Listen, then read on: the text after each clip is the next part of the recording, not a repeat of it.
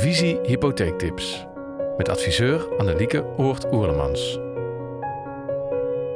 In deze hypotheektip Kan ik een hypotheek krijgen als ik geen vast contract heb?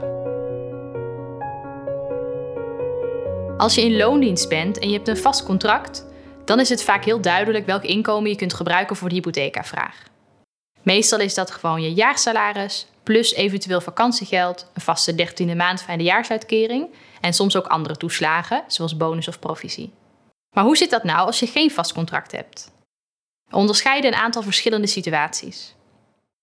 Als je nu een tijdelijk contract hebt, dan geeft je werkgever op de werkgeversverklaring aan wat er na afloop van dat tijdelijke contract gaat gebeuren.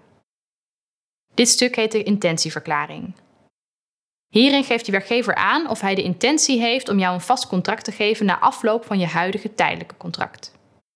Dit is niet juridisch bindend. Er wordt alleen een intentie aangegeven als jij je werk even goed blijft doen en er geen gekke dingen gebeuren met de organisatie waar je werkt. Dat je in dat geval een vast contract gaat krijgen. Voor een hypotheekaanvraag is dat in de meeste gevallen genoeg om gewoon met je huidige inkomen te rekenen, net alsof je nu al een vast contract zou hebben.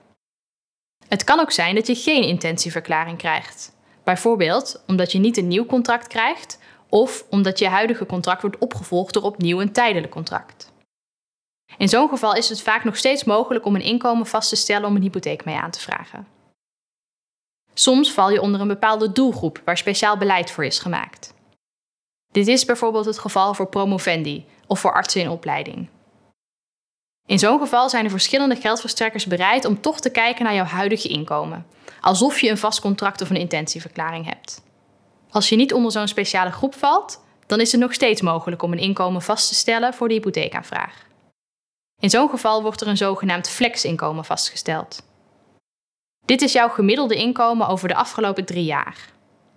Om dat te berekenen, zoek je je jaaropgave van de afgelopen drie jaar bij elkaar en neem je daar het gemiddelde van. Let op.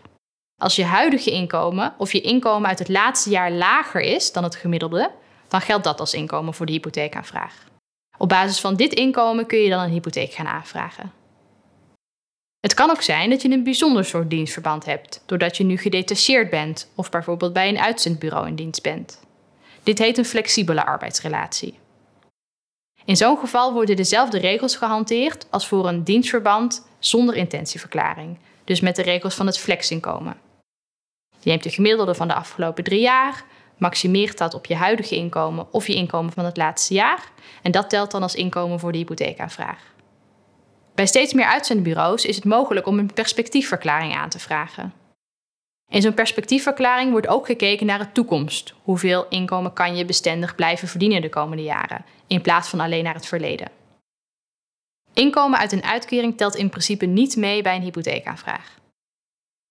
Dit komt omdat het inkomen meestal niet blijvend is. Je uitkering stopt bijvoorbeeld weer als je een baan hebt gevonden of als je hersteld bent van een ziekte. Er zijn een paar uitzonderingen mogelijk. Overleg dit altijd even met je hypotheekadviseur. Het kan ook zijn dat je nu ondernemer bent en helemaal niet in loondienst. Ook dan heb je natuurlijk geen vast contract.